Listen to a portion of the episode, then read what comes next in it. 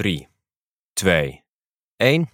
Leuk dat je luistert naar een nieuwe Leefstijl Lab en Fit.nl podcast. Ik ben Jeroen van der Mark en we gaan het vandaag hebben onder andere over goede voornemens, maar ook over 2023. Wat waren de meest opvallende dingen?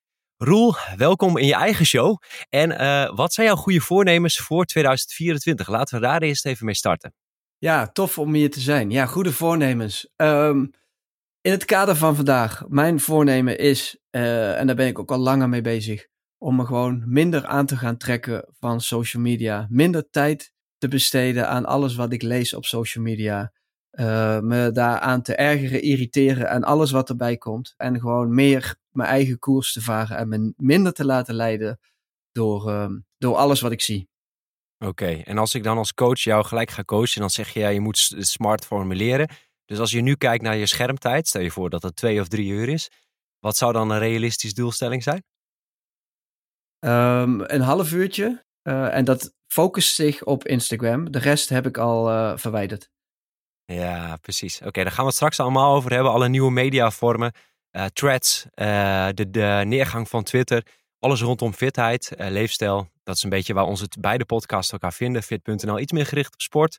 En uh, Leefstijllab iets meer gericht op gedrag. Um, mijn goede voornemen, als ik het dan zelf even ga, ga, vertellen. Mijn doel voor 2024 is eind 2024 een triathlon en een bodybuilding wedstrijd ongeveer in één maand te plannen. Dus de komende maanden ga ik dat plannen. En dat zijn twee totaal tegenovergestelde dingen. En mijn doel is ook om dat te gaan documenteren, zodat anderen daar ook van kunnen leren. Dus hoe behoud je zoveel mogelijk spiermassa en ga je toch 180 kilometer fietsen, 4 kilometer zwemmen en een volledige marathon lopen. En dat lijkt me leuk om dat via YouTube inzichtelijk te maken. Want met fit.nl zijn we toch soms een beetje afstandelijk. Een beetje die wetenschap. Uh, maar natuurlijk zijn we zelf ook sporters. En hebben we natuurlijk persoonlijke ervaringen. En met zo'n enorme uitdaging lijkt me dat leuk om toch meer een beetje persoonlijkheid naar het platform te brengen en dat te documenteren. Ik moet het nog met, uh, met het hele team overleggen of we dit uh, kunnen gaan doen. Want dit is een beetje long-form content. Uh, maar goed, dit is mijn goede voornemen om dat te gaan documenteren en dat te gaan doen. En ik zal er echt heel veel van leren. Heel veel tegenaan lopen, blessures, weet ik wat. Uh, maar superleuke uitdaging. Dus uh, meer volgt oh. daarover. Um, ja, super dus, vet. en concreet. Ja. Nice. Ja, dus we gaan het zien. en de bodybuilding is ook leuk omdat het gewoon echt uit je comfortzone is. lijkt me leuk gewoon om dat later een keer te hebben gedaan en daarover te kunnen vertellen. Laten we eerst even starten met jouw grootste ergernisrol. En uh, ik kan me daar wel in vinden, maar jij uh, ergens je helemaal kapot eraan op Instagram. Uh, dat zijn de lijstjes die mensen geven over voeding als ze naar de supermarkt gaan. kun je dit kort vertellen wat het precies is en waarom je daaraan stoort? Ja, ja, volgens mij hebben we het in het vorige jaaroverzicht daar ook al over gehad. En het is eigenlijk alleen nog maar meer geworden. iedereen die met een camera de supermarkt inloopt en begint te vertellen welk product je wel dan niet zou moeten kiezen. Welke gevaren er zelfs schuilen als je bepaalde producten uh, kiest. Het wordt steeds erger. Ja, er wordt steeds meer ingespeeld op uh, gevaar, het bang maken voor nou, bepaalde stoffen, uh, of dat nou kleurstoffen zijn, suikers.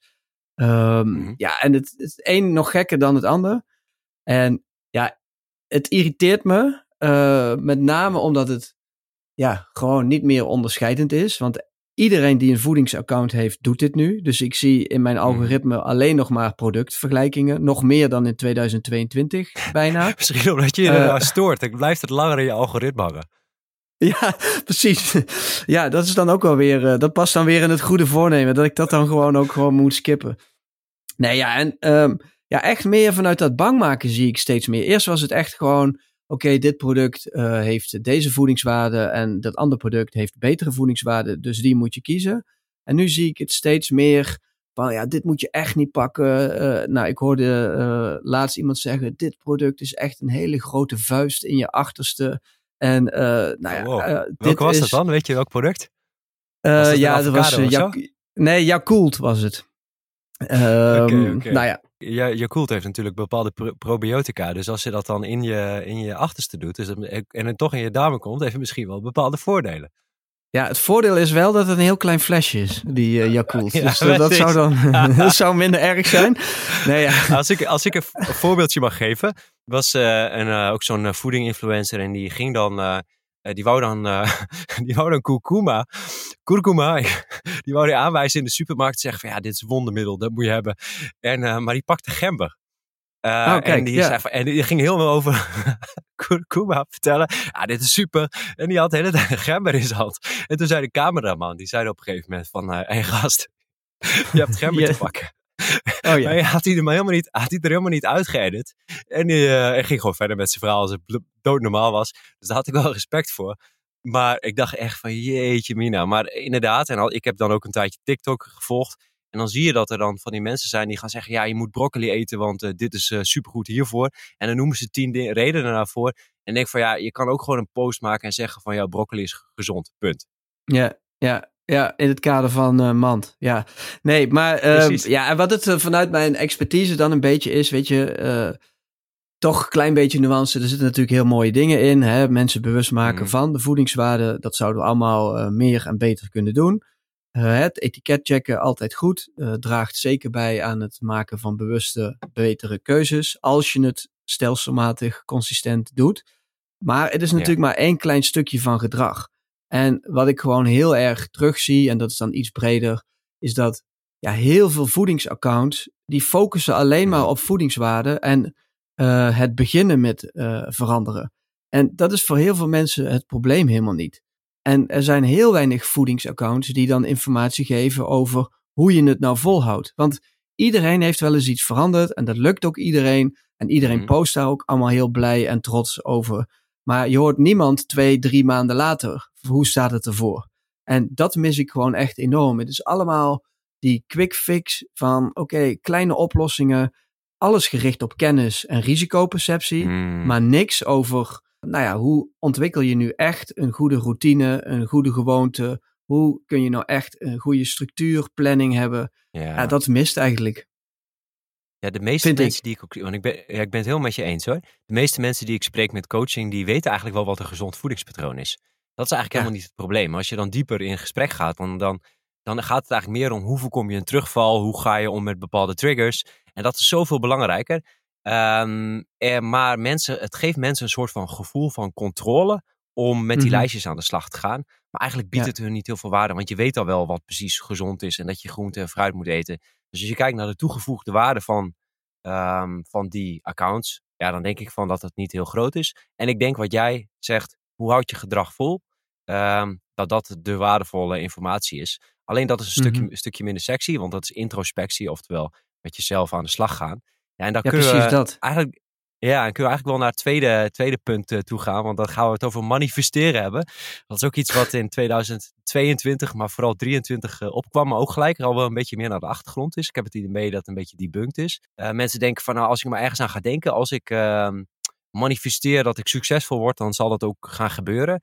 Nou, en Zei je nou manifesteren of manifesteren? Ja, nou, ja, beide. Beide, want uh, natuurlijk willen mensen geld verdienen. Maar money en manifesteer. En het gaat vaak over manifesteren.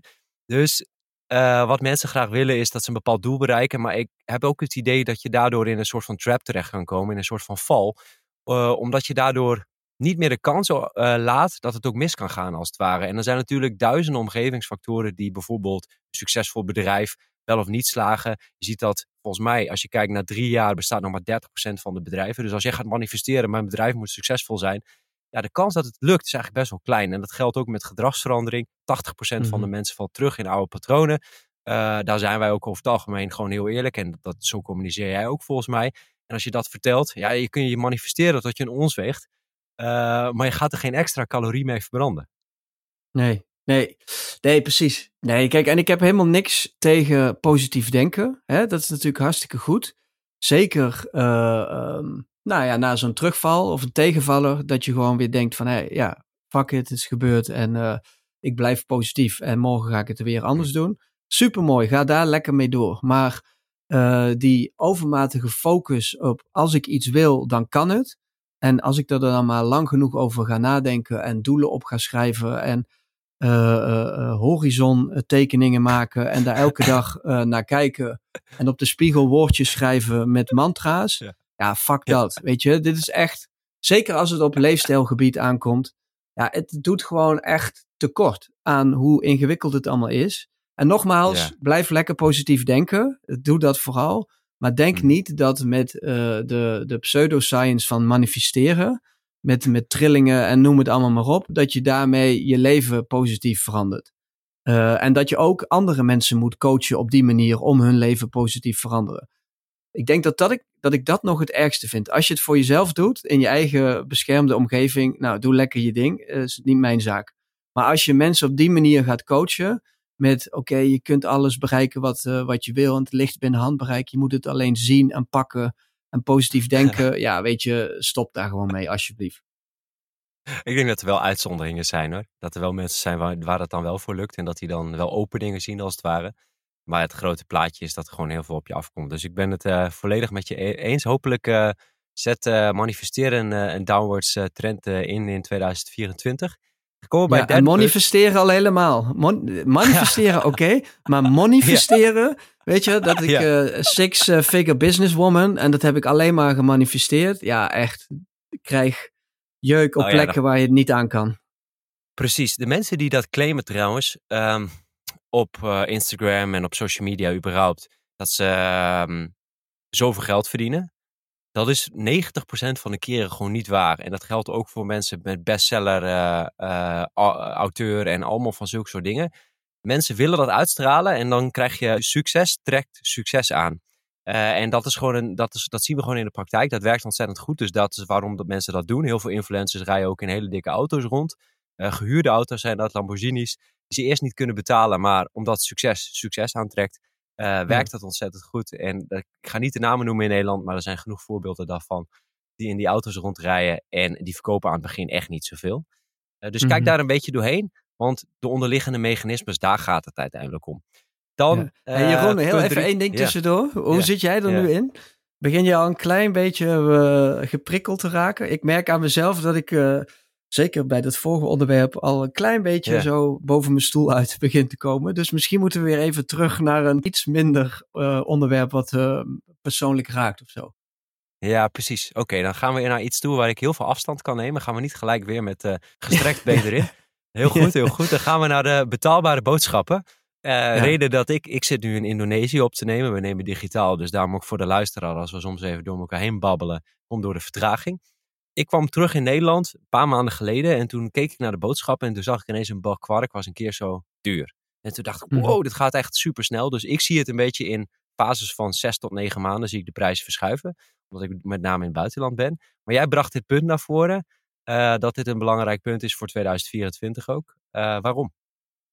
Ja, nou ja, één, omdat de verwachting is dat de voedselprijzen alleen nog maar eh, gaan doorstijgen. En dat daarmee dus Mhm. ook de boodschappen weer een beetje duurder eh, gaan worden. Eh, in een tijd waarin steeds meer mensen toch eh, ja, op de kleintjes moeten gaan letten. Niet willen gaan letten, maar moeten gaan letten, echt uit noodzaak.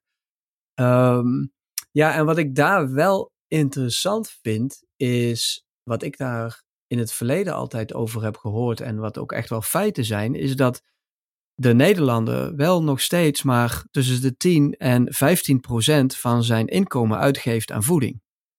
Dus Wow. alles wordt super duur. Of hebben we in ieder geval de perceptie dat het duurder wordt. En het is ook feitelijk zo. Maar we, geven dus eigenlijk al jaren en jaren vrij weinig uit aan ons voedsel. En ehm, ik ging daar dus even eh, een beetje op onderzoek. En toen zag ik dus in 1900, eh, 1910 gaven we eh 50% van ons inkomen uit aan voedsel. En in 1960 was dat nog een kwart. En nu is dat dus al jaren tussen de 10 en eh 15 procent. En dat vind ik dus wel een interessante, omdat je dan aan de ene kant hebt de beleving en aan de andere Mhm. kant gedrag. Namelijk, wat ja, eh, laat het Nibud en het CBS zien wat we nu echt uitgeven aan eten. Ja, dit is een hele goeie. Dit, is, dit, dit zie je ook trouwens. Dan gaan we nog even een zijstapje in de politiek maken. Dan wordt er gedacht dat bijvoorbeeld ehm, immigratie een heel groot probleem is. Maar als je dan kijkt naar de daadwerkelijke cijfers, is dat echt perceptie. Het gaat echt om perceptie. Dus beeldvorming. En dat kan ook zo wel zo zijn met eten. Dus dat is wel mooi dat jij zo dat naar voren brengt. Dan wil ik misschien even een lans brengen voor de boeren. Want volgens mij hebben zij door de intensieve veehouderij en intensieve productie, is denk ik, zijn we veel goedkoper geworden met eh, voeding. Dus is dat niet een van de redenen dat we in Nederland zo massaal gaan produceren, zo goedkoop kunnen gaan produceren, dat we als gevolg daarvan ehm, goedkopere voeding hebben? Ja, ja, en En aan de andere kant breekt dat dus ook weer de lans over true pricing. Daar wordt natuurlijk nu veel over gesproken. Hè? Eerlijke prijzen betalen voor Mhm. voeding. En die cijfers laten dus eigenlijk stiekem ook zien dat daar dus best wel ruimte voor is. Dus als wij nu 10, 12 procent uitgeven aan onze voeding. Wat nu als we daar nu eens 14 of 15 procent van maken? Of 16 of 17 procent? Is nog steeds niet mega veel, maar komt dan wel veel meer in de buurt van die eerlijke prijs. Dus eh, als het op die manier gaat veranderen, eh, zou Ja. dat positief zijn. Maar ja, maar aan je de andere kant. prijs? Want wat, want Nou ja, dat is dat veel producten natuurlijk nu gewoon te goedkoop eh, in de winkel liggen. Waarbij de taart verkeerd verdeeld is. Is dat degene die het geproduceerd heeft daar eigenlijk veel minder voor krijgt dan de energie en tijd die daarin steekt. Omdat het op grote schaal geproduceerd moet worden. En de consument verwacht dat het goedkoop in de winkel ligt.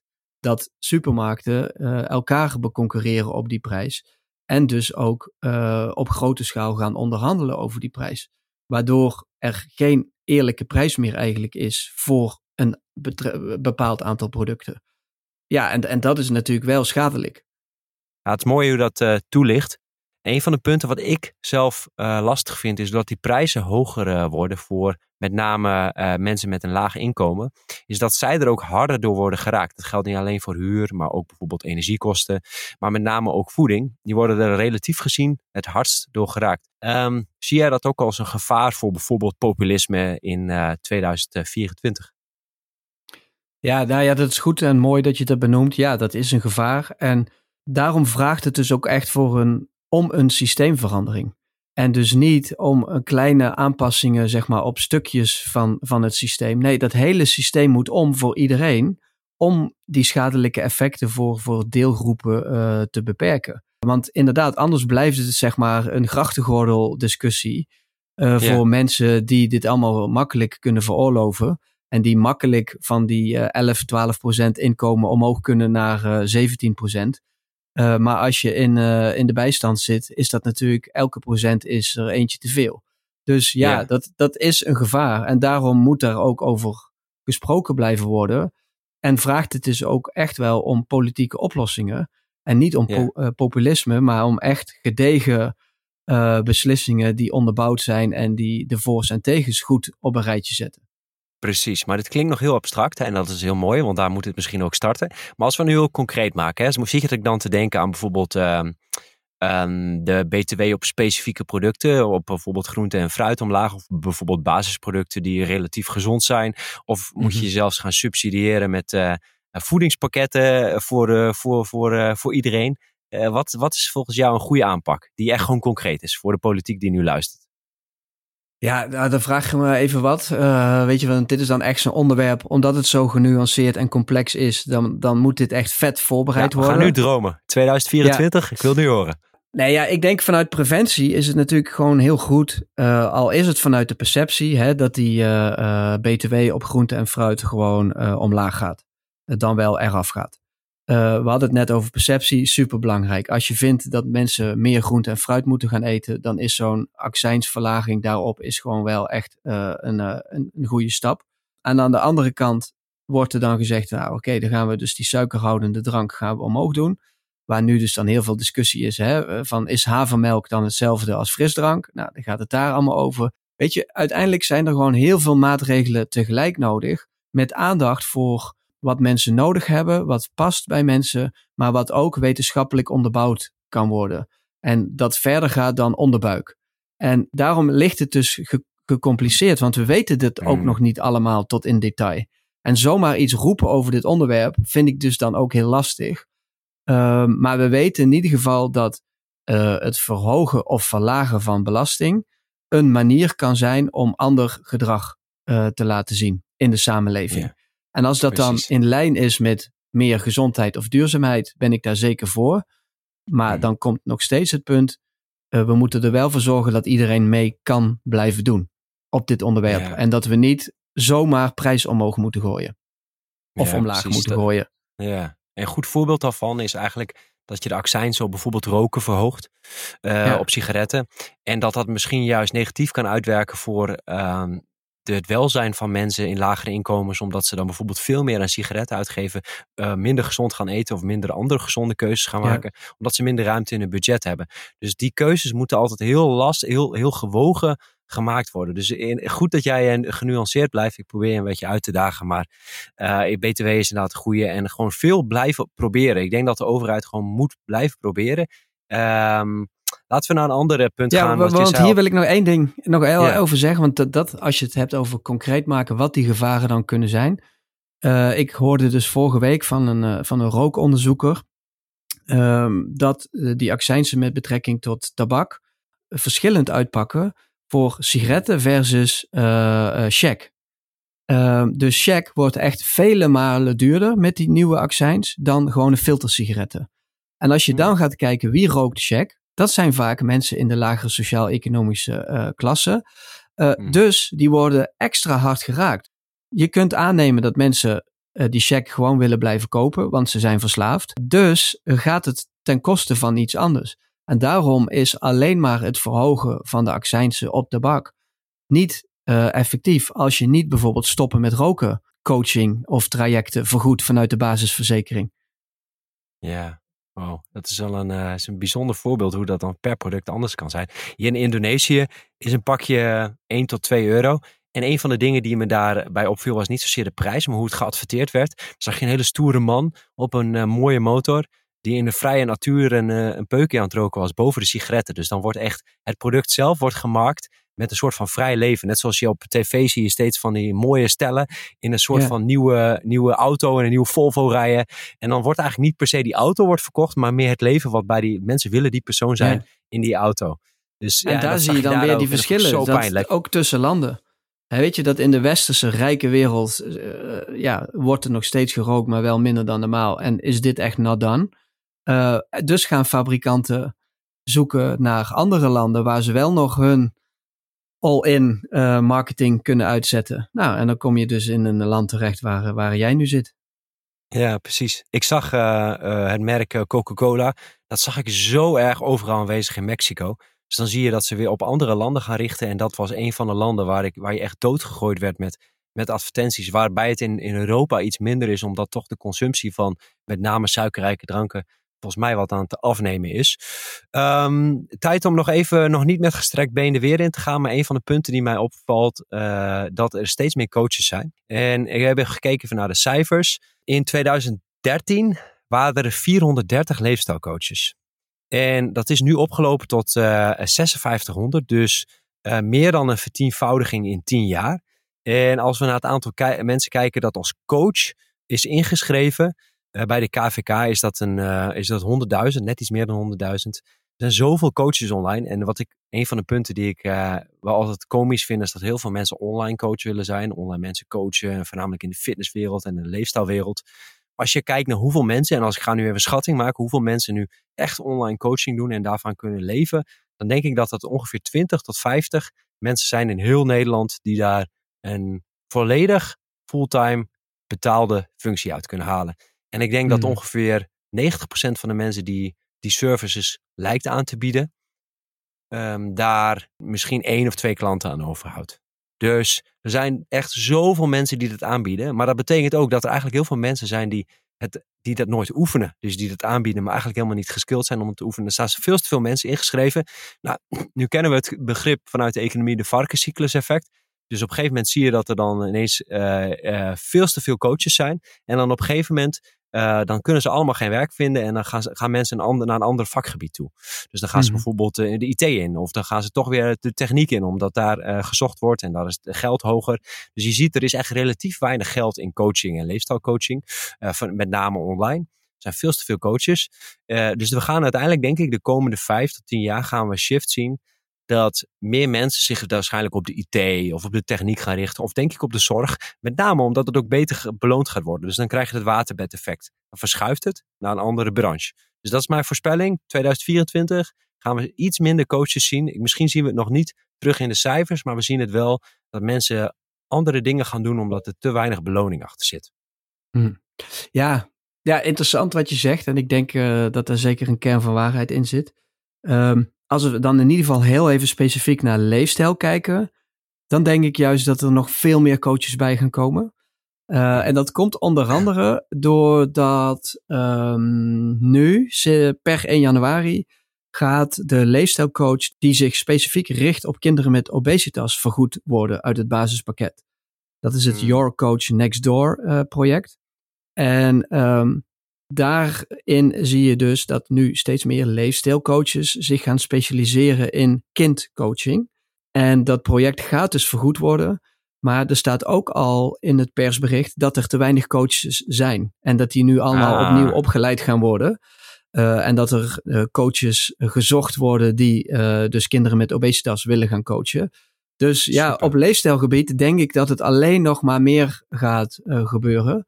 Ook omdat de gecombineerde leefstijlinterventie uh, aan populariteit aan het winnen is. Uh, praktijkondersteuners, artsen, mhm. leefstijlloketten mm in het ziekenhuis steeds beter de weg aan het vinden zijn naar de gecombineerde leefstijlinterventie. Dus specifiek voor leefstijl denk ik dat de, de coaches uh, er nog wel even blijven. Dat er nog steeds meer bij komen. Maar ik Precies. ben het helemaal eens met jouw eerste punt. Ik denk dat het echt een hele mooie observatie is is dat wat je online ziet aan coaches, dat dat niet per se een, een job is waar het geld met de kruiwagens voor het oprapen ligt. En dat mensen slapend rijk worden door mensen te coachen en stukjes te wandelen in het park met mensen en dan aan het eind van de maand drie keer uh, modaal uh, verdienen. Nee, ik denk dat het echt keihard werken is om cliënten te zoeken, coaches te zoeken. Uh, en ja, dat er dus inderdaad, wat jij zegt, heel veel mensen zijn die echt misschien één cliënt per maand hebben. En dan uh, ja, echt onder het minimum zitten met hun uh, eigen onderneming. Ja, ja, fair point. Interessante beschouwing. En ik denk ook wat jij zegt met het leefstijl, dat dat wel een um, belangrijk thema is wat gaat toenemen. En misschien zien we dan wel verschuiving. Dat de mensen die, dus heel veel op, op Instagram met die voedingslijstjes, als die nou allemaal gaan richten op, op uh, leefstijlinterventies, gecombineerde leefstijlinterventies bij kinderen, dan, dan is het nut, nut is veel groter. Dus uh, laten we zeggen, laten we met z'n allen daarop in gaan zetten. Dit is een stukje reclame voor de gecombineerde leefstijlinterventie. En mooi dat daar ook uh, meer geld voor aanwezig is. Ik ben benieuwd met verschuivende, misschien meer conservatieve ehm, politiek die er toch aan zit te komen. Of dat misschien niet op de lange baan gaat en dat we toch minder naar preventie uh, toe gaan en meer naar medicatie. Dus dat is misschien ook iets voor 2024, 2025. Mm Maar ik weet niet hoe lang die beleidslijnen van tevoren al uitgeschreven mhm. worden. Dus uh, laten we dat zien. Even naar iets wat meer... Nog één dingetje. Nog één ding. Ja, wat ik wel mooi zou vinden is als een groot gedeelte van die coaches zich misschien minder zou gaan richten op coachen. Vanuit het idee dat ze uh, zelf, zeg maar, hun cliënten moeten veranderen. Of moeten ondersteunen in het veranderingsproces. Ik denk dat er gewoon heel veel winst te boeken is in een betere doorverwijzing. Dus als coaches zich veel beter en meer zouden verdiepen in de lokale aanpak. Dus wat is in jouw stad allemaal mogelijk op het gebied van leefstijl? En mensen daarmee gaat helpen om de toegang tot allerlei interventies, sportclubs, uh, nou ja, allerlei gezond, uh, uh, gezonde initiatieven, om die te vergroten. Dus om een praktijkondersteuner die nu nog niet zo goed weet hoe het allemaal werkt, om die te gaan helpen uh, dus de lijnen korter te maken. Dus niet, niet coachen, maar veel meer verbinden naar wat er al is. In plaats van nieuwe dingen aan te gaan bieden. Mensen die nu nog een afstand hebben tot een interventie, tot een sportvereniging, tot iets wat met gezondheid te maken heeft. Dat die gebruik maken van het aanbod dat er al is. In plaats van nieuwe coachingstrajecten opstarten. Dat zou ik heel mooi vinden. Ja, precies. Ja, maar goed, dat is commercieel wat minder interessant voor sommige mensen. Dus ik kan wel begrijpen dat ze dat zelf willen aanpakken. Ja, um, ja en, en natuurlijk ook uh, als je de gecombineerde leefstijlinterventie is natuurlijk ook niet super intensief. Hè? Dus ik zou ook kunnen zeggen van als je groot budget hebt en je wil gewoon heel intensieve coaching, dan kan ik me ook wel goed begrijpen dat je misschien nog voor een alternatief gaat. Maar als je kijkt naar het bestedingsbudget van de gemiddelde consument voor mm -hmm. uh, leefstijlbegeleiding, ja, dan zit die vaak tussen de 50 en 80 euro per maand. Ja, daar ga je gewoon niet ver mee komen uh, qua nee. begeleiding. Dus dan zou je ook weer uh, toch weer naar preventie vanuit de overheid en gesubsidieerd traject moeten. Uh, ja. Laten we even weer met, met gestrekt been erin gaan. Laten we het even over hebben over de vitaminetest. Die is zie ik bij een aantal partijen naar voren komen. En dan ga je een hele lange vragenlijst invullen. En ik, een aantal partijen een... en dan met name één hele grote. ja, ja, nou goed. Ik ga hem niet bij naam noemen, maar er zijn een nee, aantal partijen nee, die dat doen. En, en ja, dan vraag ik altijd van, hey, wat is nou precies het startpunt? Wil je nou mensen dat mensen gezonder gaan eten? een voorbeeldje is hoe we dat zelf doen met fit.nl. Wij bieden supplementen aan, whey en creatine, omdat een gegeven moment dacht ik, ja, ik gebruik dat zelf. Ik neem gewoon eiwitten en creatine. Waarom zouden we dat niet zelf gaan verkopen? Ehm, je moet ook niet roomser zijn dan de paus. Kijk, dan kun je het ook prima zelf verkopen. Dan verdien je er zelf geld aan. Zolang je daar maar open en transparant over bent. Je hebt gewoon, in theorie heb je geen eiwitten nodig. En creatine is alleen handig voor gevorderde krachtsporters. Maar de gemiddelde, uh, net beginnende sporter hoeft dat helemaal niet te hebben. Nou, daar zijn we gewoon eerlijk en transparant over. Ehm, en ik denk dat dat onderscheidend is in de branche. Nu terug naar de, de vitamine uh, uh, partijen die dan van die test aanbieden. Dan denk ik van ja, wat is nou precies het startpunt? Wat is nou je intentie? Wil je nou dat mensen gezonder gaan eten? Of wil je ze potjes en pilletjes gaan aansmeren met bepaalde vraagstellingen, bepaalde adviezen die niet helemaal evidence-based zijn, waardoor je toch op supplementen en preparaten uitkomt. En ja, die intentie die schuurt bij mij een beetje, dat ik denk van ja, het is super mooi aan de ene kant om mensen bewust ergens van te maken, maar is nou de intentie beter eten of pilletjes verkopen? En ik, dat is mijn, dat schuurt het bij mij. Ik, ik ben benieuwd hoe jij daarnaar kijkt. Ja, stel je hier niet gewoon een uh, retorische vraag, uh, Jeroen? Uh, ja, ik vind het altijd belangrijk om de discussie aan te jagen. Dus ja, ik ben benieuwd ja, hoe jij nou, ja, Ik wil hem wel inkoppen.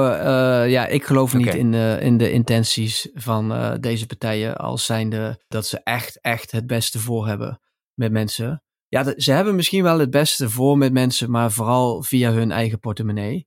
Uh, en daar komt het gewoon op neer. Ik bedoel, kijk, als jij een zelfverzonnen vitaminetest online zet en uh, het antwoord dat jij invult als consument leidt naar hun eigen supplementen en dan niet één, niet twee, maar vaak drie of vier, waarbij je uitkomt op een abonnement, wat ze dan heel toevallig natuurlijk aanbieden om het jou zo gemakkelijk mogelijk te maken, want ze hebben het beste met je voor van 60 tot 80 euro per maand.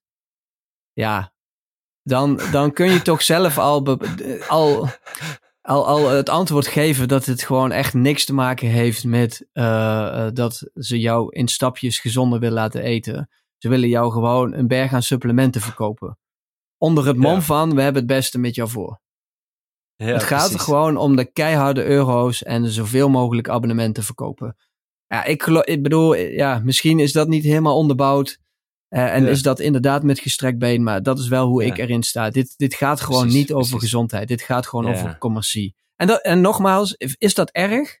Ja, ik vind dat erg. Maar uh, je bent natuurlijk er zelf bij of je die supplementen koopt. Alleen wat ik gewoon lastig vind, is dat die hele site dan ook nog vol staat met informatie die jou het idee zou kunnen geven dat je dit ook echt nodig hebt. En dat het ook echt onderbouwde informatie is. Maar één, ja. jongens, die zelfbedachte vitaminetest is niet wetenschappelijk onderbouwd.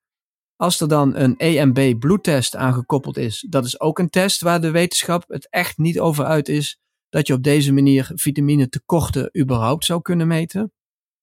Nou, er zijn programma's van radar tot keuringsdienst van waarde tot, nou ja, blogs en sites die gewoon laten zien dat het kul is eigenlijk, zo'n test. En dat de uitslagen per lab kunnen verschillen. Waarom? Ja. Omdat, zo las ik, uh, zo'n vingerprik gewoon niet betrouwbaar is.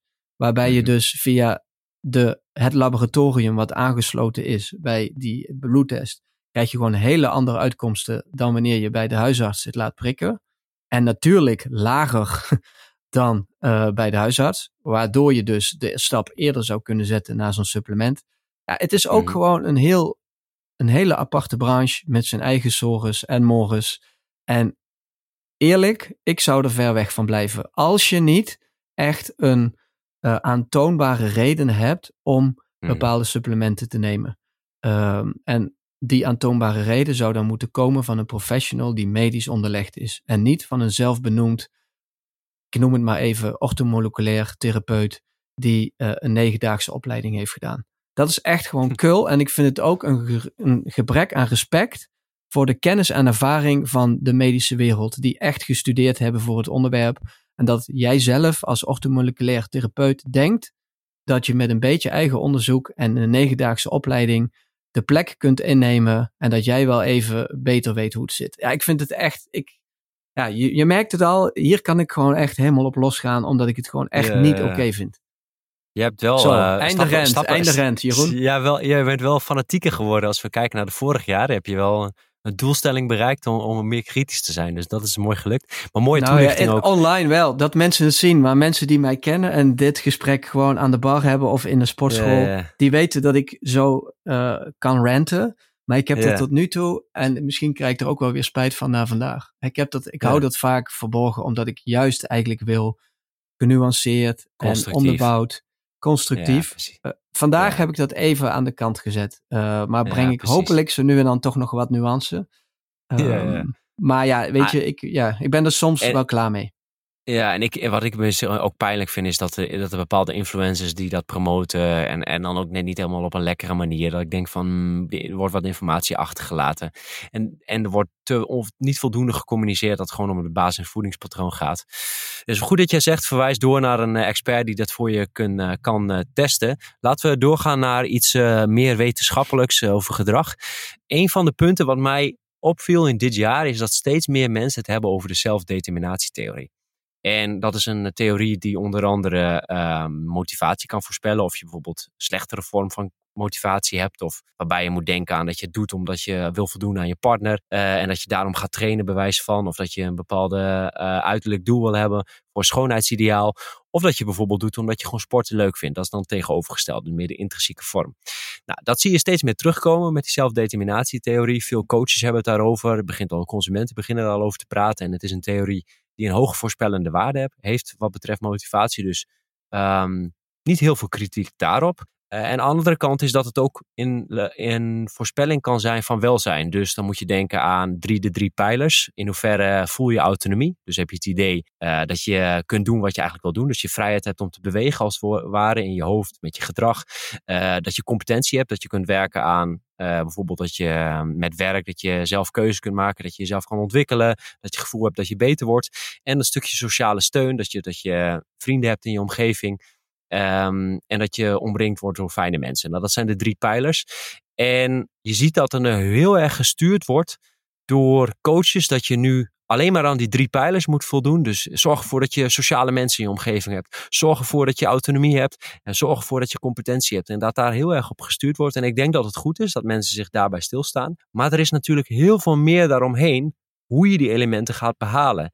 En ik heb het idee dat we een beetje aan het blind staren zijn op die uh, theorie.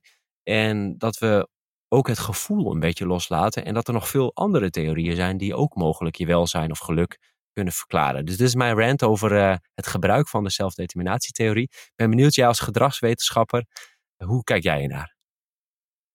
Ja, misschien toch in dit geval iets genuanceerder, omdat ik juist blij ben dat deze theorie nou zijn weg begint te vinden uh, in praktische zin. En dat het dus niet alleen een theoretisch construct blijft, maar dat mensen dus echt op de psychologische basisbehoeften eh, gaan sturen. Uh, of in ieder geval rekening mee gaan houden of ze mee gaan nemen in coaching. Hè? Dus hoe je het ook toepast. Uh, dus daar ben ik eigenlijk gewoon heel blij mee. Omdat het denk ik wel echt het veld verder gaat brengen. En ook de service van bijvoorbeeld de fitnessbranche of de leefstijlcoaching verder gaat brengen. Als je hier op een goede manier, en daar komt hij natuurlijk, op een goede manier mee aan de slag gaat. Kijk, ik ben het natuurlijk met je eens, is dat als mensen het gaan roepen om het roepen, omdat ze er half iets over Precies gelezen dat. hebben. Ja, weet je, ja, oké, okay, dan, dan, eh, ja, dat zou ik jammer vinden. Um, maar bij deze zou ik nog even het voordeel van de twijfel geven. Laat mensen op deze manier naar mensen kijken. Dat is al beter dan wat het misschien was. Uh, dat zou meer diepgang geven aan het idee, wat ook heel lang heeft geleefd met betrekking tot gedrag oké, laten we gewoon kennis en informatie toestoppen. Laten we gewoon zeggen hoe gevaarlijk iets is en dan gaan mensen het wel doen. Of um, gaan mensen allerlei beloningen geven en dan, uh, dan gaan ze ook wel aan de slag. Ja, die zelfdeterminatietheorie met al zijn nuances en al zijn toepassingen, ja, die gaat daar wel meer diepgang aan geven. En nou, daarvan zou ik zeggen, laten we dat nog eens goed bekijken hoe dat uitpakt. En dan aan het eind van het jaar kan ik misschien zeggen: Ja, Jeroen, je hebt gelijk gekregen. Te kort door de bocht geweest. Het is toch een beetje een trucje geworden. Het is toch een soort van hype geworden die door mhm. veel mensen niet goed toegepast is. Maar vooralsnog zou ik zeggen: Ik ben blij met elke stap die het in die uh, richting uh, gaat nemen. Leuk. Wij zijn uh, nu in de eindfase van van het gebruik van die theorie onder andere. met een onderzoek wat er aankomt. En een van de dingen die we willen gaan testen is of, of bijvoorbeeld mensen die, die heel gespierd zijn, of die dan ook meer bedpartners hebben. En of dat dan ook een van de motivaties is geweest voor mensen. Bijvoorbeeld um, partners, eventuele kans op, op bijvoorbeeld een betere partner. of dat ook een, een, een, juist een goede vorm van motivatie is. Dus mijn ehm, hypothese is eigenlijk dat seksuele selectie, en dat is misschien een soort van extrinsieke motivatie, wel een goede voorspeller is voor uiteindelijk naar de sportschool gaan en dat volhouden. Waarbij dat vaak gezegd wordt van nee, je moet intrinsiek uh, gemotiveerd zijn en plezier hebben. Nou, ik wil dus die hypothese uh, gaan toetsen en daar zijn we nu in de eindfase met de vragenlijst mee bezig. Dus daarover volgt uh, binnenkort meer en daar gaan we ook data over verzamelen. En dan gaan we ook weten of bijvoorbeeld um, mannen die dus bijvoorbeeld, en vrouwen ook, die bijvoorbeeld heel veel trainen, of die dan ook het beter doen op de datingmarkt. En ik ben benieuwd wat jij denkt. Ja, ja. Ja, ik ben, ben eigenlijk heel benieuwd. Gewoon, uh, ik, ik, ik laat me verrassen.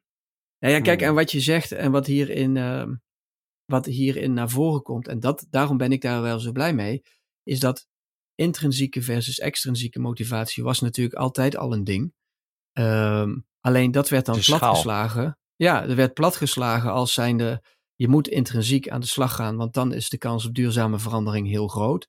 En als je alleen extrinsiek doet, dus bijvoorbeeld met straffen en belonen, dat is leuk voor het begin, uh, maar dat houdt dan geen stand.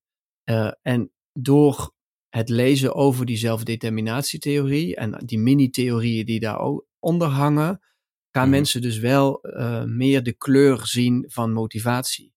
En welke ja, richting het allemaal op kan en welke gradaties dat het heeft. En dat, ja.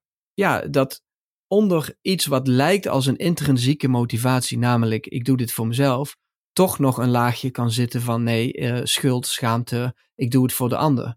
En dat, dat kleurenpalet en motivatie als coaches, dat door deze theorie meer gaan zien en meer begrip gaan krijgen van oké, deze cliënt zegt wel dat hij intrinsiek mm. gemotiveerd is, maar door de dingen die ik hoor en die mini-theorieën die ik ken van de zelfdeterminatietheorie, begin ik toch een beetje te twijfelen of dat wel echt zo is. Want ik hoor namelijk ook, ja, schuld, schaamte, sluimerend hieronder. Ja, dat mhm. opent dan nog meer gesprek bij, maar waarom wil je dit nu eigenlijk echt? Wat zit hieronder? Wat heb je meegemaakt? En dan mhm. kunnen we dus nog meer gaan coachen op wat bij mensen past en wat, bij, wat mensen nodig hebben. En ja, dus nogmaals, uh, ik hoop dat, dat het betere inzicht in motivatie en alles wat erbij hoort, de coaching gaat verbeteren. Ja, ja, heel mooi. Mooi dat je zo'n maatschappelijk uh, verantwoord, uh, verantwoorde visie hebt. En, deze dan wel. In tegenstelling tot het vorige onderwerp. Ja.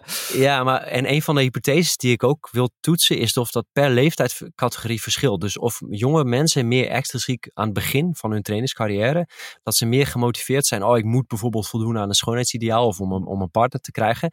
En dat dat naarmate van de leeftijd afneemt. Want ik heb het idee dat mannen, en nu ga ik even specifiek generaliseren, maar mannen van 40, 50, als ik ze spreek nog steeds, die drive hebben ook moeten doen voor het uiterlijk. En dat mhm. als ze dan de 70, nou 65, 70 mhm, raken, mhm. dat toch meer die vorm van, ah, ik wil goed voor mezelf zorgen, want ik wil ouder worden. Dus daar ben ik benieuwd of we ook voldoende data hebben voor die subgroepen, om te kunnen kijken van, hey, is er een verschuiving van meer extrinsiek naar intrinsiek bij bepaalde leeftijdscategorieën? Ja, ja, ja. En weet je, kijk, wat, dat is natuurlijk mega interessant. En dat zou dan ook kunnen impliceren dat extrinsiek slechter is dan intrinsiek.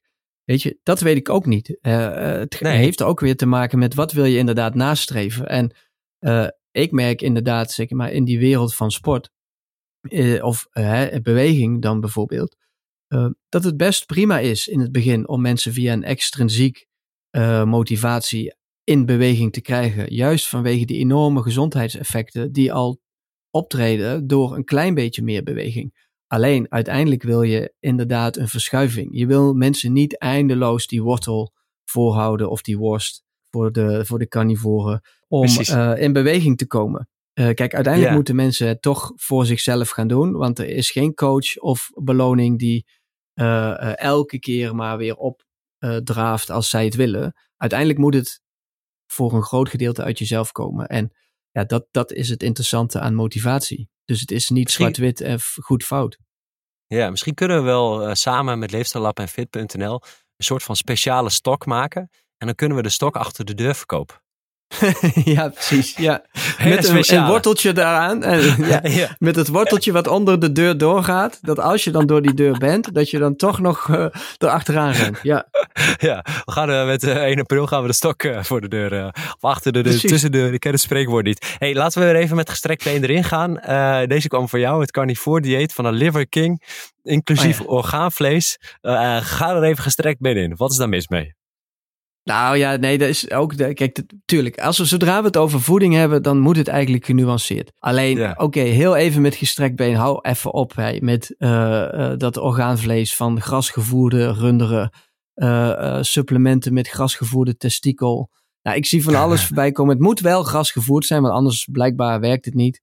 Ja, weet je, die focus op dat carnivore dieet met altijd de verwijzing. Want vroeger aten we ook altijd vlees en we hebben een gebit wat daarop ingericht is. En nou ja, we zouden helemaal geschapen zouden zijn om vlees te eten. Weet je, ook dat is gewoon kul. Um, weet je, uh, we aten vroeger niet alleen maar vlees. Uh, we aten uh, met de tijd en met het seizoen. En dus ook noten, fruit, aardappels. En ja, hmm. ons gebit is ook daarop aangepast. Um, en ja, we hebben een verteringssysteem dat ervoor zorgt dat we ook vlees kunnen eten, maar niet enkel vlees. Ja, kijk, het hele punt is, wat is dan nu, want dan ga je natuurlijk heel snel die vergelijking maken, ja, wat is dan het gezondste dieet? Want daarmee wordt het vaak natuurlijk vergeleken. Hè? Er wordt dan gezegd, ja, carnivore versus keto, of uh, keto versus mediterraan, of nou ja, noem de alle uh, voedselpatronen maar op. Uh, ja, daar is de wetenschap ook nog niet helemaal uit. Maar wat wel zo is, volgens mij, is dat we wel consensus hebben dat alleen maar vlees eten gewoon echt niet per se goed voor je is. En dat er gewoon echt dan uh, deficiëntie kan optreden van je micronutriënten. Net zoals dat ook kan optreden als je alleen maar veganistisch eet. Dat je dan ook aandacht moet hebben voor uh, bepaalde micronutriënten. Dus uiteindelijk ligt die waarheid, en dan wordt het toch natuurlijk wel genuanceerder, uh, in het midden. Dus, uh, en, en, natuurlijk met vlees, dat vind ik dan ook nog meespelen, maar dat maakt het wel weer ingewikkeld. Gezondheid versus duurzaamheid.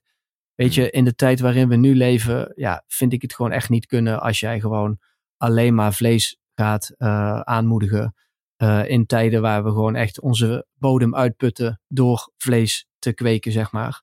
Um, dus ja, het, het is genuanceerd. Maar als ik uh, influencers op uh, social media zie die alleen nog maar orgaanvlees eten en die dan aanmoedigen om bijvoorbeeld twee grasgevoerde burgers te eten bij het ontbijt. Ja, dan denk ik echt, waar zijn we gewoon mee bezig? Want het is ook weer zo bezijde waarheid. Het is ook weer je niche proberen te vinden. En ja, weet je, die niche, dat pakt natuurlijk wel lekker, met name bij mannen, die daar gewoon heel lekker op gaan, omdat ze een paar keer in de week naar de sportschool gaan. En die, mhm. ja, die gaan gewoon van oudsher natuurlijk heel lekker op. Je mag onbeperkt vlees eten. Want dat vinden ja, mensen uh, sowieso lekker, maar mannen in het bijzonder. Ja, het past natuurlijk helemaal in het eigen masculine beeld dat je van jezelf en anderen hebt als jij gewoon s ochtends lekker met een T-bone steak kan beginnen. Ja, weet je, maar ja, ja, uh, ik word, er, ja, ik word er gewoon een beetje moe van.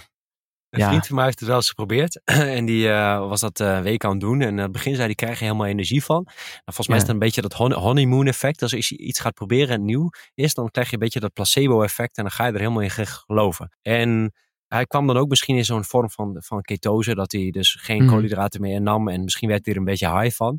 Um, maar op een gegeven moment is hij er toch mee gestopt. Omdat hij ook het gevoel had dat hij minder presteerde in de gym. En um, dat dat toch ook een belangrijk punt is. Dus omdat je gewoon die koolhydraten ja, nodig, nodig, hebt om goed te presteren. Dus, en dat zie je ook bij de persoon die dat specifiek internationaal uh, promoten. Dat was dan zo'n Liver King. En die gast was ook volledig aan de anabole steroïden.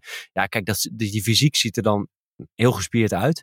En dan ga je ook denken, oh, dat komt dan specifiek door het eten. Maar dat kwam gewoon doordat hij uh, ontzettend veel gebruikte en ook gewoon daarnaast krachttraining deed.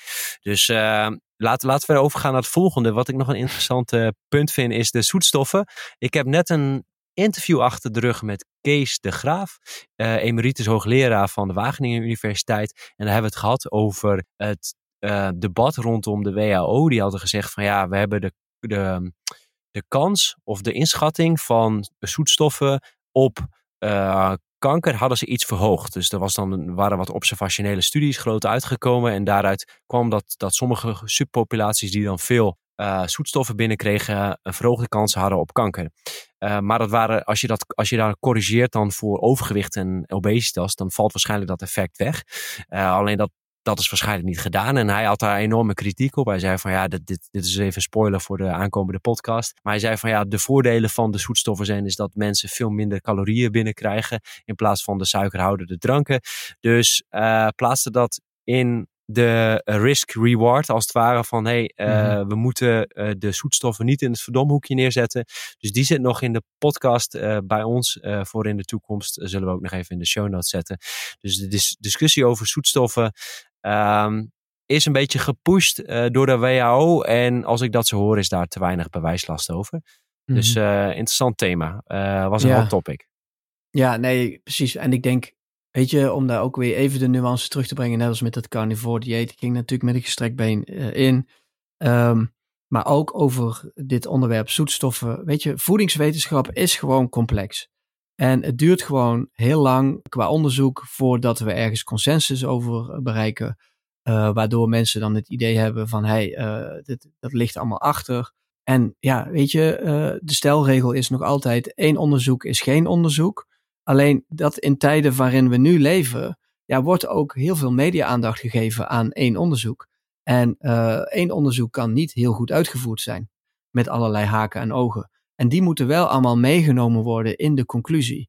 En dat mis ik wel eens. En kijk, ik deed daar natuurlijk net ook zelf aan mee uh, met betrekking tot die nuance van dat uh, carnivore dieet. Uh, mm-hmm. Vaak ligt de waarheid gewoon in het midden. Er zitten wat positieve ah, dingen aan nee. en er zitten wat negatieve dingen aan. Nee, en dat nee, is nee, met, nee, nee, nee. Ja, die carnivore dieet, ik ken geen enkele topsporter die, die, die zo'n dieet volgt en goed presteert. En dat is ook met de reden. Je mist gewoon energie. Nee, oké, okay, niet het carnivore ja. dieet, maar vlees eten. Ja. Oké, okay, dat is een belangrijk punt.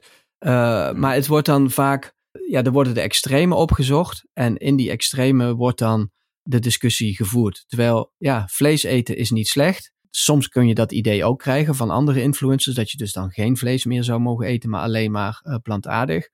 Uh, ja, en dat is gewoon met, met voedingswetenschap. Het ligt gewoon genuanceerd. En um, ja, je moet vooral, denk ik, ook bescheiden zijn over voedingswetenschap. Dat zou ik misschien nog ook wel een beetje willen zeggen hier in dit geval. Ook dus als het gaat over zoetstoffen, om even op dat onderwerp terug te komen. Ja, wat je daarover leest, um, voed dan meteen de discussie. Zie je wel, aspartaan is kankerverwekkend. Dat heeft de WHO nu gezegd. Ik kreeg ook van iemand op LinkedIn zo'n bericht. En nou echt, bedoel, ik ben niet per se een voorstander van Google um, yeah. als, als, als uh, uh, basis van, van je onderzoek. Maar echt één, één seconde uh, WHO zoetstoffen. Geef meteen het rapport waarin dan meteen in de eerste alinea staat dat het allemaal genuanceerd ligt en dat het mm. um, aandacht voor verder onderzoek vraagt en dat het uh, uh, voorzichtig uh, negatief zou kunnen zijn, maar dat het eigenlijk nog veel beter onderzocht moet worden. Maar iemand heeft Precies. dan gehoord, oké, okay, WHO, terwijl ze, normaal wordt de WHO gewantrouwd mm. in, in die, die kringen, maar nu wordt het opeens, zie je wel, de WHO heeft gezegd dat aspartaan kankerverwekkend is. ja, ja, ja. Oké, okay, ja. Weet je, heb alsjeblieft goed, in dit geval ja. wat meer respect voor experts die zich in dit onderwerp hebben verdiept die hier gewoon al jarenlang onderzoek naar doen. Waar je ook best van mag vertrouwen dat ze niet blind achter de lobby aanlopen. Dat ze niet alleen maar geld, steekpenningen krijgen om, om jou voor, uh, voor de gek te houden. En dat mis ik wel een beetje soms.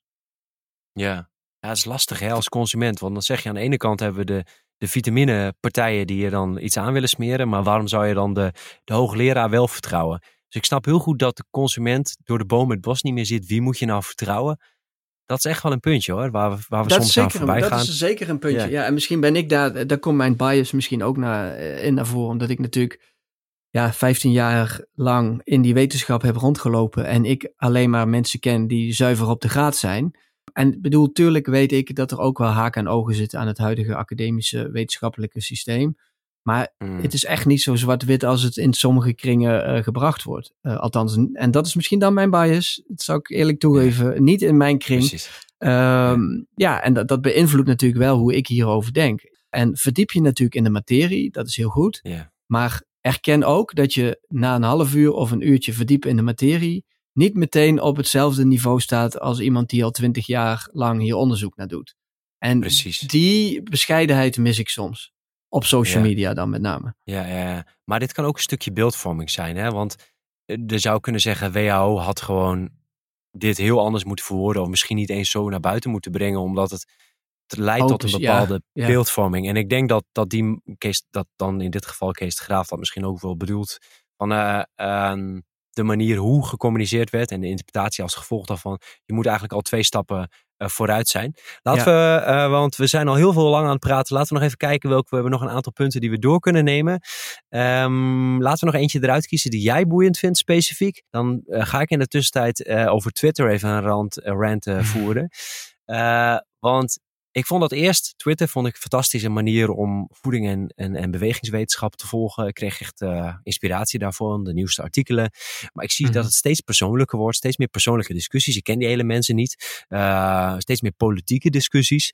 Heel apart is dat algoritme de laatste tijd. Eh, jij bent er zelfs mee gestopt. Ik neig ook om daarmee te stoppen. En nu is er een andere variant opgekomen, Threads van Instagram. Nou, daar heb ik ook even eh, de afgelopen twee dagen een beetje in rondgekeken. Zo. Nou, en daar word ik eigenlijk ook niet blij van. Dat gaat ook veel meer om persoonlijke anekdotes en, en verhaaltjes. Eh, de informatiewaarde vind ik ook niet goed. Maar misschien komt dat Nee, Nee. wie ik volg.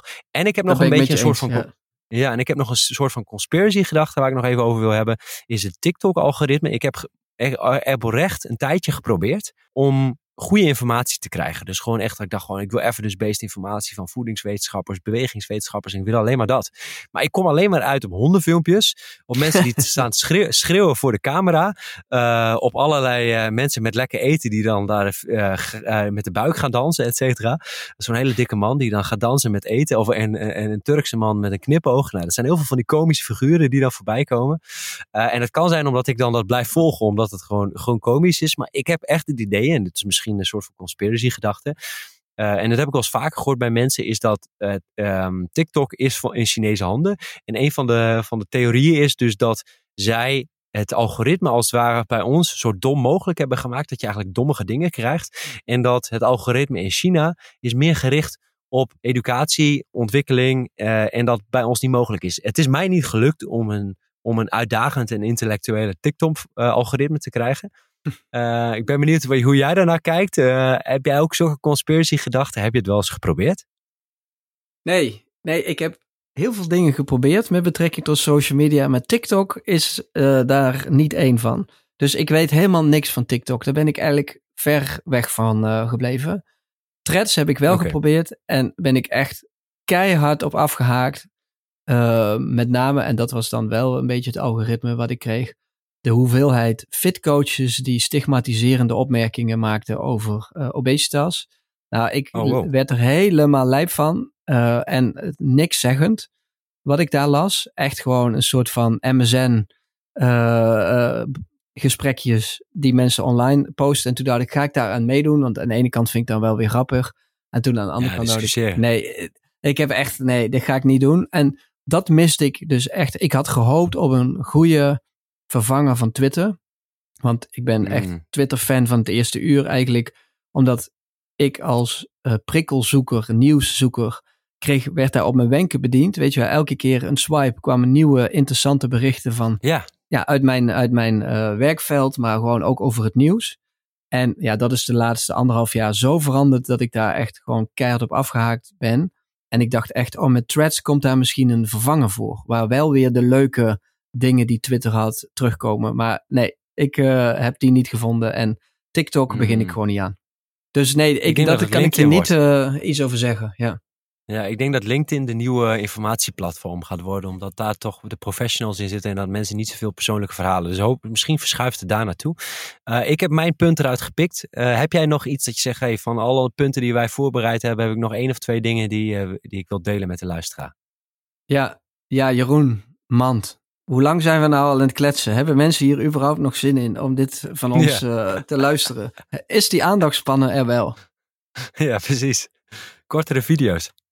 Ja, alles kort. Gewoon korte podcast, korte video's, korte post. Eh, ja, ik word er wel, ik bedoel, ja, je hoort mij, ik ben niet heel kort van stof. Ehm, Ja, ik vind het maar moeilijk om uh, video's te maken van een paar seconden. Los van dat ik die editing skills niet heb en noem het dan maar op. Maar mhm. ja, een persoonlijke frustratie. En ik, ik heb dus echt die Instagram game ook echt totaal niet uitgespeeld. Ik doe echt, denk ik, alles verkeerd met Leefstijlab. Um, maar goed, ik, ik blijf het maar gewoon doen. Maar ja, dat is ook wel de reden dat ik dus niet extreem hoge aantallen volgers heb. Um, ja, ik zie wel echt, het moet allemaal kort. Het moet echt knallen. Er moet een hoek in zitten. Er zijn allemaal coaches die ook dan weer coachen op hoe je Instagram moet gebruiken. Het moet kort, kort, mm. kort. Jezus, ik, ik krijg al ADHD ongeveer. Uh, uh, ja, als ik nu Instagram open. En dat is ook wel weer lekker aan de ene kant. Maar ja, hoeveel blijft er nu echt van hangen bij, bij mensen die hier doorheen scrollen? Ja, ik denk dat het goed is, want jij had een uh, realistisch doel opgesteld van 30 minuten. Nou, aangezien de content steeds korter wordt, dan past dat straks wel binnen die, ja. die, die, die ja, een enorme informatiedichtheid. Ja, ik kan ook steeds gewoon knijten veel zien. Ja, dat is wel lekker. Een van, van de meest nieuwe theorieën die ik heb gehoord, is dat je je video niet langer dan 7 seconden moet zijn. En dat je het uitgebreide verhaal moet je in de caption doen, zodat mensen daar kunnen lezen. Want het gaat om de, hoe lang mensen blijven hangen in je video. Dat was de nieuwe theorie. Dus kort video, 7 seconden maximaal. En dan heb je de uitkijkratio van 60% uh, eh, of meer. Nou, dat is fantastisch. En dan lezen mensen de, de caption. Dus ik denk dat we dat in 2024 meer gaan zien. Het moet niet 15 seconden, maar het moet maximaal 5, 6, 7 seconden. Ja, nou ja, dat is wel. Nou ja, dat hangt dus wel een beetje samen met mijn voornemen. Uh, dus ik, één, ik wil zelf minder op social media zitten. Nogmaals, vanuit gedragsverandering een heel slecht doel, want dit is een voor mij doel in plaats van een benaderdoel. Maar goed, hè, dat is even dat gezegd hebbende. Maar aan de andere kant wil ik dus ook gewoon eigenlijk minder tijd gaan besteden aan het posten op Instagram met Leefstijllab. Omdat ik denk, het begint steeds minder bij me te passen aan de ene kant. Mhm. Eh, omdat ik denk, ja, gedragsverandering is gewoon complex, is genuanceerd. Uh, laat zich niet in, in, in een paar seconden vatten. Uh, Of en dat is dan elke keer wel weer de uitdaging, omdat ik mezelf daarin wel wil verbeteren en ik het toch zie als een soort spel. Denk ik, ja, maar ik wil toch dat spel, ik wil toch die skill, ik wil toch bewijzen dat het wel kan. Ja, um, maar ja, dat vergt nog wel wat huiswerk. Dus als ik zeven seconden video's moet gaan maken met een perfecte hoek en uh, ja, daar heb ik nog wel behoorlijk wat te doen en hulp nodig. Uh, en ik vraag me ook af, nou ja, en dat gaat dan meer business-wise, of dat voor mij dan interessant is, omdat daar niet per se mijn doelgroep zit, waar ik dan als ondernemer of als ZZP'er geld mm. mee moet verdienen. Uh, maar ik vind het gewoon zo'n fascinerend fenomeen. En misschien herkennen mensen dit wel, die of zelf posten uh, of nou ja, veel volgers willen hebben. Ja, ik ben zelf, dat is even persoonlijk, ik ben zelf gewoon enorm gevoelig voor een like, een opmerking, interactie, mm. engagement. Omdat het gewoon een soort erkenning is, een soort schouderklopje is. En dat hoort misschien een mm. beetje dan bij mijn persoonlijkheid. En dat, dat slechtste komt daar dan in naar boven op social media, waarin ik dus overmatig op zoek ben naar erkenning hmm. en waardering door middel van likes en engagement. En ja, mijn voornemen is omdat ik word 40, dit moet ik gewoon toch even gaan parkeren. Dat, dat kleine jongens idee van. Ja, ik, een uh, mooie open communicatie. Worden. Ja, ik mag gezien worden, ik moet erkend worden. Ja, precies. Daar zie ik gewoon ruimte voor persoonlijke groei voor mezelf, om dat gewoon iets meer te parkeren. En niet Instagram te gebruiken om het, nou ja, mijn persoonlijke dingen na te jagen. Hmm. Ja, mooi hoe je dat zo dus, vertelt. ja, precies. ja, en, en ik denk ook als je kijkt naar de erkenning die jij krijgt vanuit het veld krijgt, dat is toch even een schouderklopje.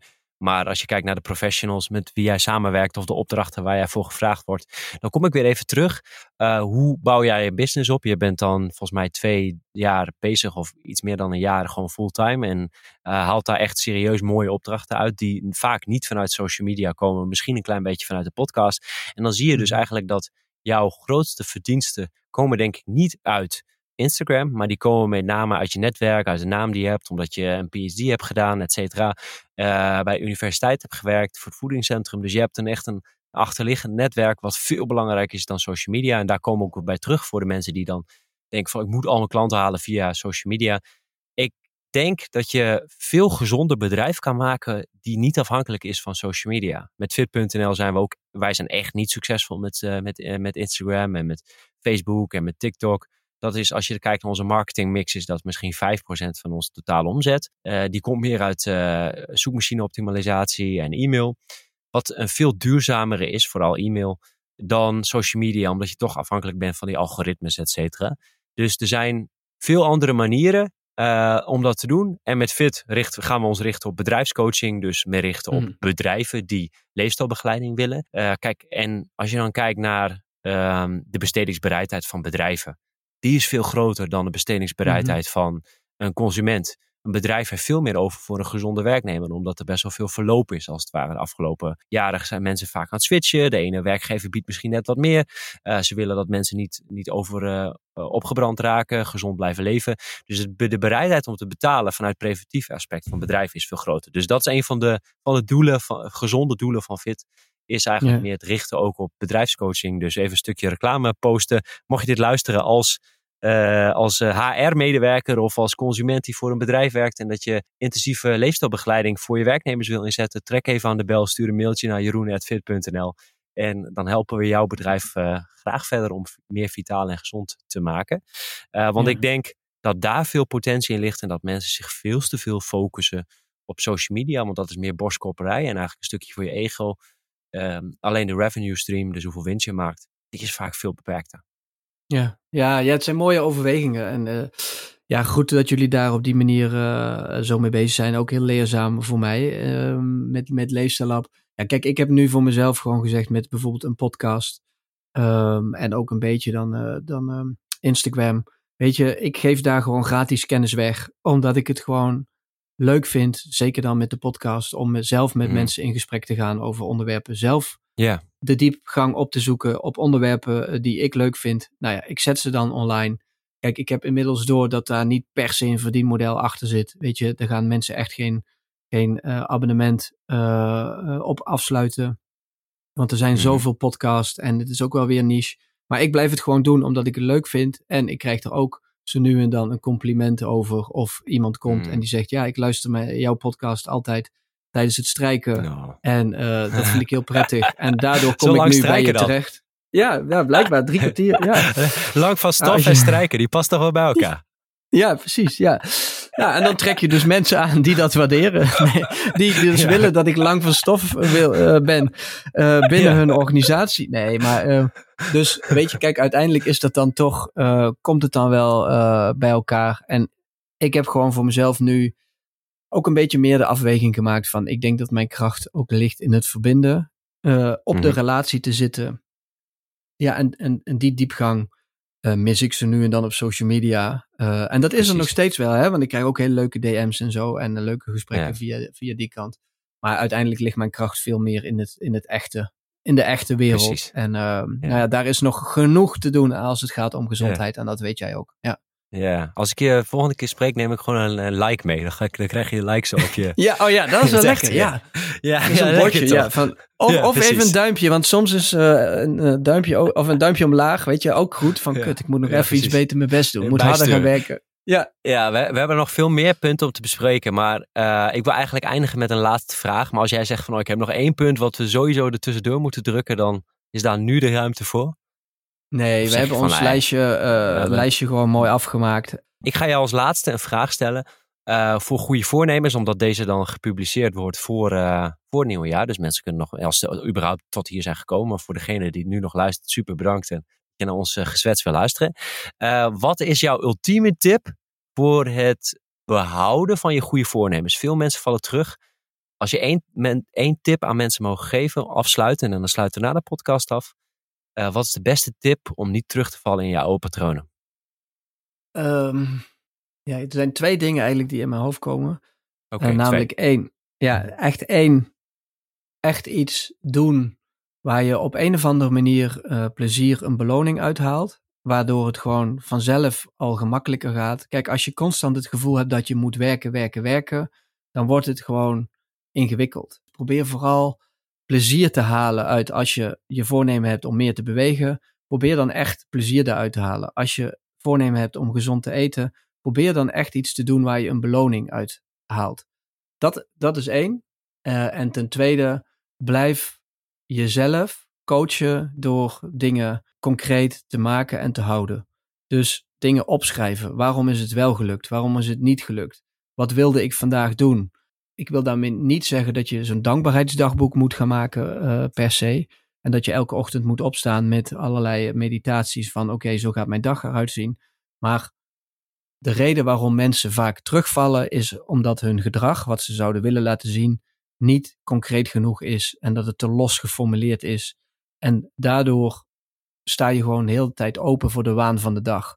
En dat zorgt er dan voor terugval. Als je even moe bent, als je even stress hebt, even ruzie hebt. Mhm. Dus houd het concreet en klein. En blijf jezelf daarin in monitoren met of een schriftje of een wearable. Of, uh, en probeer elke dag te kijken van hey, is het gelukt met wat Ja. ik me had voorgenomen? En probeer de dag erna uh, hetzelfde te doen of net iets te tweaken. Heel goed.